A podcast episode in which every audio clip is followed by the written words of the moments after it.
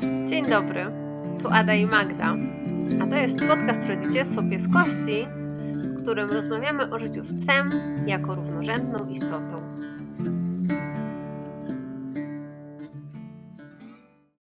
Hej, e, tu Ada. Dzisiejszy odcinek wjeżdża z pewnym opóźnieniem, ponieważ próbuję się wykaraskać z zapalenia zatok. I dzisiaj wrócił mi już głos, więc mam nadzieję, że uda się powiedzieć mi dzisiaj wszystko, o czym chciałabym powiedzieć. Dzisiejszy odcinek będzie na temat, który chciałam poruszyć już od dawna, dawna, dawna. Chyba na ten temat nawet nagrywałam mój odcinek taki demo testowy. I chciałabym poruszyć tutaj właśnie kwestię tego, że bardzo, bardzo skupiamy i uzależniamy psy od siebie. I jak w taki nieoczywisty albo przynajmniej niepopularny w mainstreamie sposób wpływa to na tworzenie się różnych zaburzeń behawioralnych. I tu mam na myśli na przykład lęk separacyjny, na przykład tendencję do kontroli, która potrafi prowadzić do zachowań agresywnych wobec innych psów, wobec ludzi. E, dobra, to ja może troszeczkę opowiem o tym lęku separacyjnym, czym on jest i, i w ogóle jakie są jego źródła i gdzie w tych źródłach jest właśnie to nadmierne, nadmierny kontakt z człowiekiem. Zacznę od tego, że problem z separacją jest e, adaptacyjny. To znaczy, psy to istoty socjalne, dlatego zawsze dla nich separacja jest pewnym rodzajem dyskomfortu.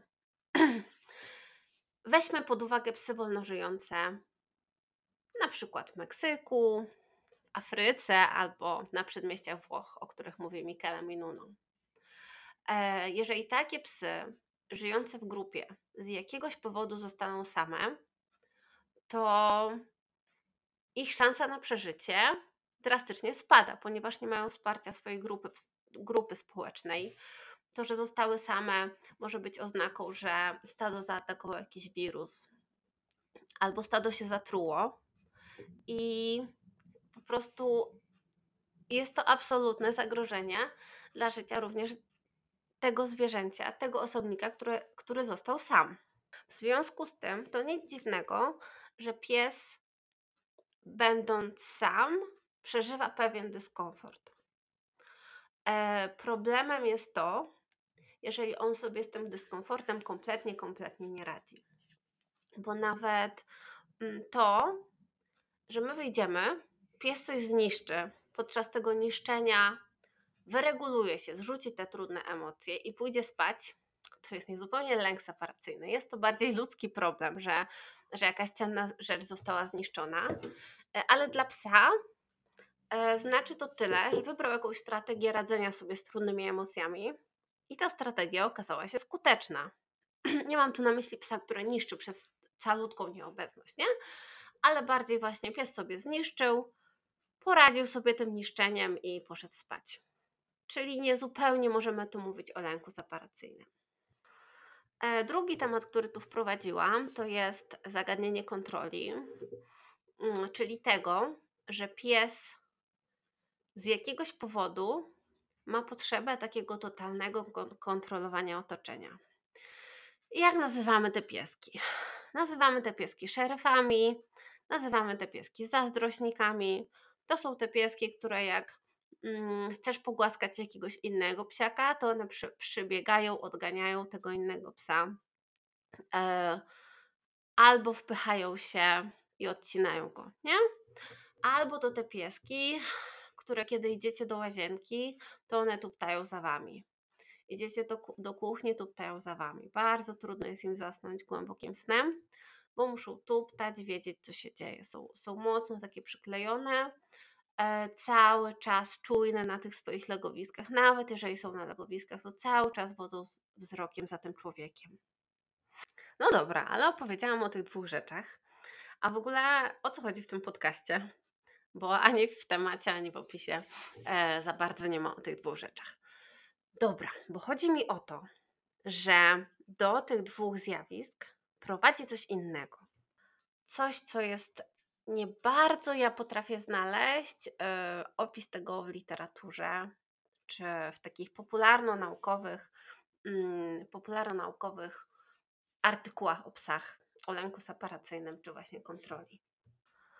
Rozmawiając z klientami, ale także mm, obserwując jakieś nawet internetowe memy, mm, jest taki archetyp idealnego psa, który przez, spa, przez spacer wpatruje się w nas, jest na nas bardzo skupionym, jest bardzo posłuszny, nie?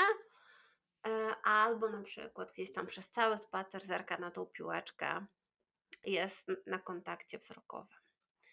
I oprócz tego jest taka cała infrastruktura szkoleń, które tego skupienia na człowieku i takiej bardzo mocnej, mm, jakby uczą takiego bardzo mocnego posłuszeństwa. Te szkolenia są bardzo popularne i właściwie takim e, jedną z pierwszych rzeczy, której uczy się na ty tych szkoleniach, jest kontakt wzrokowy z opiekunem. Nie? E, myślę, że e, myślę, że część z Was się z tym spotkała. Jest jeszcze coś takiego jak skupianie uwagi na człowieku w rozproszeniach. E, I to jest faktycznie taki cel, nie? Żeby pies miał na tyle skupił się na człowieku, albo poprzez kontakt wzrokowy, albo poprzez patrzenie na smaczek, żeby ignorował to, co się dzieje w otoczeniu. I jeżeli gdzieś tam pies przez cały spacer jest w takim mocnym kontakcie z opiekunem, no to w pewnych środowiskach mówi się, że jest to oznaka takiej mocnej więzi z człowiekiem, psa z człowiekiem. Jest jeszcze jedno podobne zjawisko, które faktycznie mi e, dosyć mocno mrozi krew w żyłach, czyli taka tendencja, żeby zabierać szczeniaki z hodowli możliwie jak najwcześniej, w tym siódmym tygodniu, po to, żeby mieć takie poczucie, że mm, ten proces socjalizacji z człowiekiem, ze swoim człowiekiem, zacznie się jak najwcześniej i będzie taki jak najintensywniejszy. Nie? I faktycznie pamiętam, że swojego czasu na psich grupach e, widziałam taką tendencję, żeby szybko zabierać psy z hodowli, żeby jak najszybciej budować te, tę więź.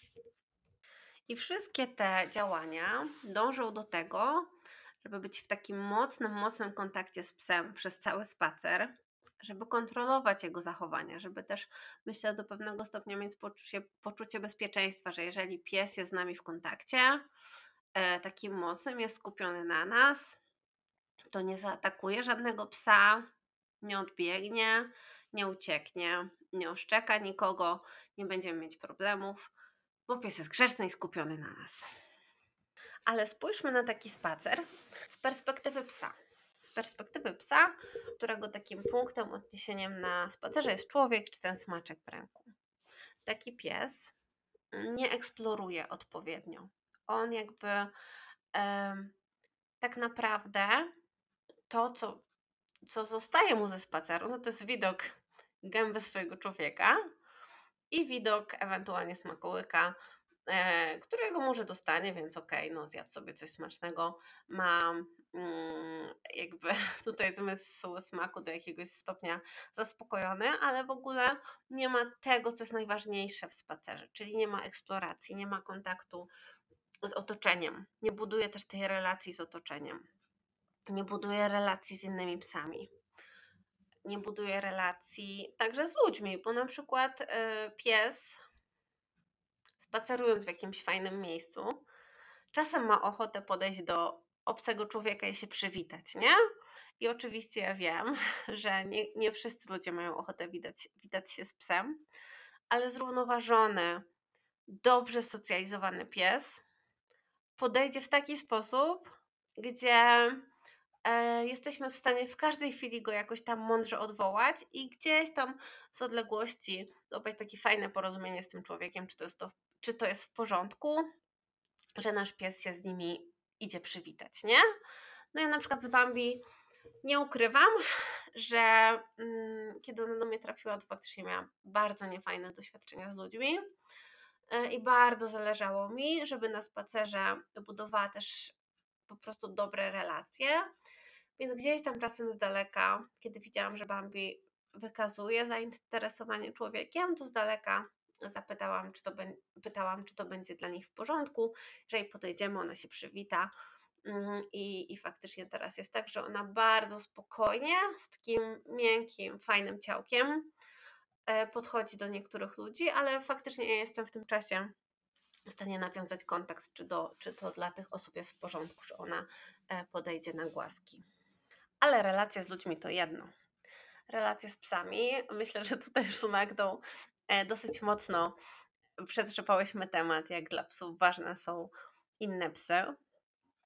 E, I faktycznie, kiedy cały, pies cały czas jest wpatrzony w swojego człowieka i jest od niego oczekiwane, żeby on te psy ignorował, to trudno jest te relacje nawiązać, nie? E, myślę też o tym, że mm, czasem uważamy, że to, że pies nie reaguje na psy, to jest jakby może być rozwiązaniem problemu tego, że na przykład pies jest agresywny do innych psów. Co mam na myśli? Często mm, w przypadku właśnie agresji wobec innych psów, ale również taki zach takich zachowań agresywnych, oszczekiwania innych psów, nakręcania się, e, opiekunowie dostają zalecenie, żeby właśnie skupiać go na sobie, skupiać go na smaczku, żeby uczył się ignorować. I to jakby ma być rozwiązanie problemu. Ja mam takie poczucie, że jest to jakieś połowiczne rozwiązanie problemu, ale to, że pies ignoruje te psy, bo zafiksuje się na czymś innym, w żaden sposób jakby nie rozwiązuje rdzenia tego problemu, czyli tego, tej kwestii, że jest mu z jakiegoś powodu trudno w relacji z tymi psami. E, więc tutaj mm, dużo łatwiej, znaczy nie, nie dużo łatwiej, dużo lepiej i tak jakby mm, inwestując, jakby czyniąc inwestycje na całą resztę życia psa, dużo lepiej byłoby po prostu zacząć tak pracować na spacerach, spotykać go z takimi psami, które pozwolą, y, które e, pozwolą mu nawiązać takie długoterminowe relacje i mieć takie poczucie bezpieczeństwa wśród psów, nie? Bo jeżeli on będzie spotykał fajne psy, wśród, wśród których czuje się bezpiecznie, to też będzie miał takie poczucie kompetencji, że o kurczę, poradziłem sobie z tym psiakiem, to nie muszę się tak denerwować na inne, bo mam taką umiejętność, żeby porozumieć się. A przekierowywanie uwagi psa podczas mijania innych psów właściwie pogłębi ten problem, ponieważ, mm, ponieważ on zupełnie przestanie się komunikować, nawet na odległość, nawet gdzieś tam mm, wzrokiem, nawet e, pod, pod, jakby podczas, e, poprzez znaczenie moczem. No i dobra, mamy takiego psa, który przez cały spacer jest w kontakcie z nami, przez cały dzień w domu jest w kontakcie z nami, za bardzo nie ma innych relacji, ani z psami, ani z ludźmi, ani z otoczeniem. My cały czas um, animujemy mu ten dzień poprzez jakieś zabawki, piłeczki, kontakt fizyczny um, i nagle wychodzimy. Idziemy do pracy na 8 godzin. I taki pies, dla, dla którego byliśmy centrum wszechświata, dostaje absolutnie sam, bez żadnych narzędzi na poradzenie sobie z tą samotnością.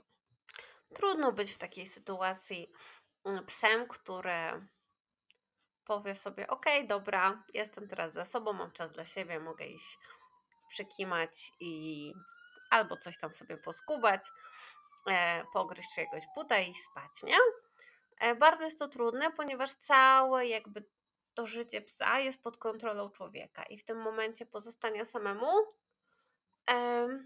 on po prostu nigdy sam nie podejmował decyzji, więc teraz też trudno mu podjąć decyzję, jak sobie z tą taką z nagłą utratą, nawet jeżeli jest to utrata na kilka godzin, z nagłą utratą człowieka sobie poradzić. I teraz wrócę też do tematu kontroli, który poruszyłam wcześniej. Jeżeli cały czas kontrolujemy życie psa, nawet na spacerze, nie? E, kiedy nawet spuścimy go ze smyczy, ale ciągle pies jest na jakichś komendach. Fe, nie, zostaw, do mnie, tutaj.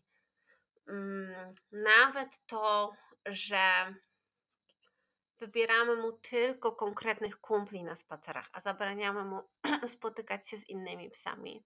Trochę nie dajemy mu wyboru na budowanie takich więzi, jakie on by chciał. Tak jakby nawet porównując do, e, do relacji z, z dzieckiem. Jakby ja, wiecie, że my nie, uważamy tutaj, że pies to jest dziecko, ale mm, zgodnie z tą równogodnością pewnie czasem będziemy mm, takich, takie porównania stosować. Tak jakbyśmy my naszemu dziecku pozwolili kumplować się z konkretnymi dzieciakami w klasie, e, a z innymi nie bardzo, nie? A mimo, że on ma vibe i, i super przelot z innymi, nie? Więc e, przepraszam was, mój kot ma teraz godzinę e, wariatki i biega po pokoju. No więc kontrolując takie całe psie życie, stawiając go często na baczność tymi komendami, tym przywoływaniem, możemy sami u niego spowodować tendencję do kontroli. Skoro on cały czas jest stawiany na baczność tymi komendami, tym ciągłym kontaktem, gadaniem do niego, wyciąganiem tych smaczków, to trudno mu mieć jakby taki spokój w sobie. Więc on też się uczy, ok, dobra. Czyli więź polega na takim byciu czujnym, nie? Ciągle go przywołujemy, ciągle jesteśmy w kontakcie i tworzy się taka niezdrowa więź. Tutaj, jak na przykład między parą, która cały czas, gdzie, gdzie na przykład jedna z osób cały czas musi wiedzieć, gdzie, co ta druga osoba robi, nie? E, nie potrafi być, e, jakby nie potrafi być w spokoju, nie wiedząc, co robi ta druga osoba. Trochę podobnym mechanizmem jest kontrola u psów. On musi ciągle wiedzieć, co się dzieje. Nie ma szans na, na relaks. Albo relaks tylko, kiedy jest przy tym człowieku. A jak ktokolwiek inny kręci się po domu, to jest spięcie, niepokój i, i potrzeba tej kontroli, kontroli, kontroli. Podniesiona głowa i wodzenie oczyma, co się dzieje. I chciałabym, tam, chciałabym tutaj przedstawić Wam taką troszkę inną perspektywę. Bo to, o czym mówię, to jest trochę taka sytuacja, że to my jesteśmy w centrum życia psa. A ja bardzo chciałabym zachęcić Was do tego i jakby sama ciągle nad tym pracuję. E, jeżeli chodzi o moją relację z Bambi, mm, chciałabym, żeby to pies był w centrum swojego życia, a my bylibyśmy obok jako takie ważne osoby, jako przyjaciele, ale żeby obok były jeszcze inne psy, inne osoby, może koty, e, po to, żeby on miał taką wspierającą, wspierające więzi wokół siebie, a nie jedną, która będzie go przytłaczać, która będzie go hamować w poznawaniu świata, w budowaniu relacji, w radzeniu sobie w trudnych sytuacjach, w podejmowaniu złych decyzji. Czasem dobrych, czasem złych, ale żeby pies nauczył się podejmować decyzje, to musimy dać mu też przestrzeń na popełnianie błędów. Na to, że czasem gdzieś pobiegnie i, i rozwali sobie łapę, albo, um, albo pobiegnie do jakiegoś psa i ten pies go przestraszy, nie? Bo inaczej nie nauczy się, że warto wcześniej skomunikować się z psem na odległość, jeżeli chce do niego podejść. I cały czas mówiąc, jakby prezentując wam tą moją rozkminkę, e, cały czas kołacze mi w głowie równa godność, która jest też o tym, że ufamy psu w jego kompetencje, ufamy w to, że on sam jest w stanie zdecydować, na co ma ochotę, co jest dla niego dobre. To, że nasza ochrona i nasz, jakby taka ochrona wynikająca z miłości jest oczywiście potrzebna, bo to my odpowiadamy za psa prawnie, my wiemy, gdzie jest najbliższa ulica, nie? Mm, ale żeby ona nie była taka przytłaczająca dla psa. żeby ona, żeby fajnie równoważyć tą wolność z bezpieczeństwem. No ale tak mówię o tym wszystkim i myślę, że to może brzmieć trochę jak, jako taka krytyka jakichś waszych postaw, jeżeli się odnaleźliście w tym. I ja trochę też tam byłam, z tym, że moja historia jest taka, że do mnie od razu trafiły bardzo niezależne psy. Psy, które były w stanie sobie poradzić e, bezdomne, więc u nich nie było tak, o nie, jesteś dla mnie całym światem, tylko dobra, Dziunia, e, jesteśmy tu z tobą, chcemy tu sobie obok ciebie żyć, e, ale no jakby my wiemy, jak funkcjonuje świat, więc nie musisz nam tego tłumaczyć, więc mi pod tym kątem było łatwiej e, czasem odpiąć wrotki, wiedząc, że moje psy poradziły sobie bezdomne, więc ja nie muszę kontrolować mm, każdej sekundy, żeby nie stała im się krzywda, nie?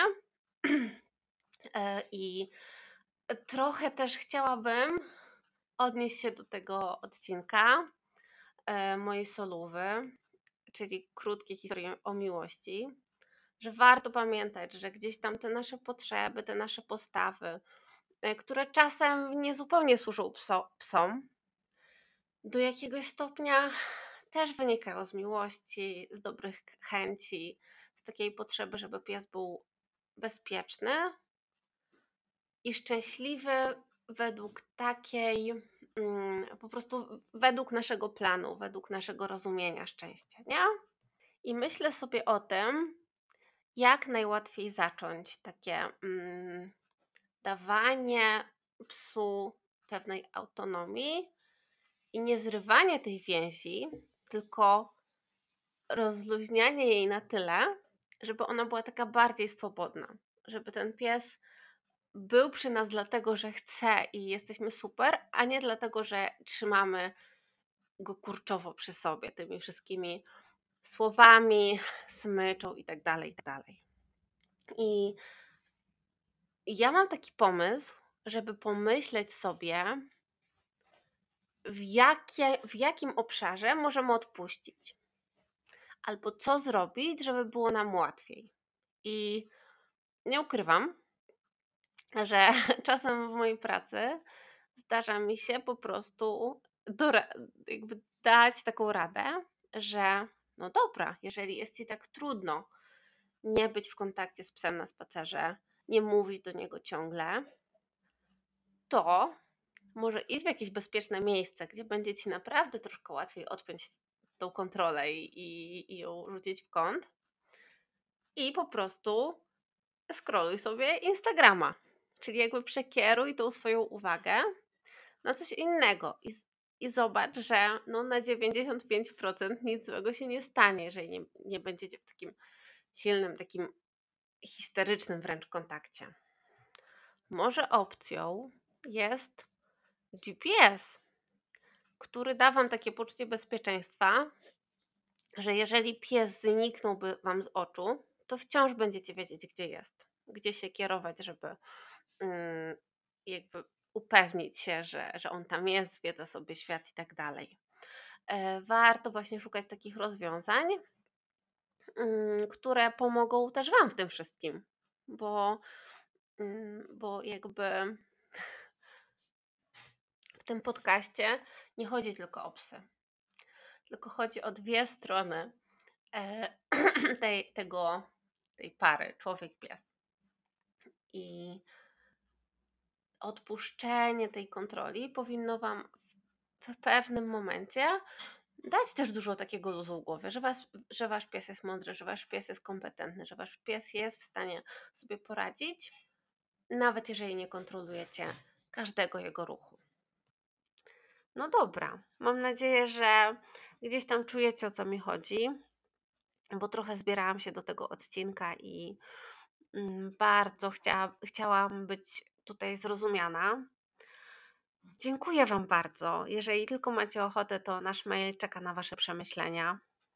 Mm, wiem, że część z Was już, e, to jest mega super, e, odezwała się do mnie na prywat, w prywatnej wiadomości na Messengerze. Jeżeli macie ochotę e, poruszyć jakieś zagadnienie, to zapraszam. No i dobra, życzę Wam miłego dnia. Dużo e, dobrego czasu z waszymi psami. Pa! I to już wszystko na dziś. Dziękujemy, że byliście z nami. Do usłyszenia w kolejnym odcinku podcastu Rodzicielstwo Pieskości.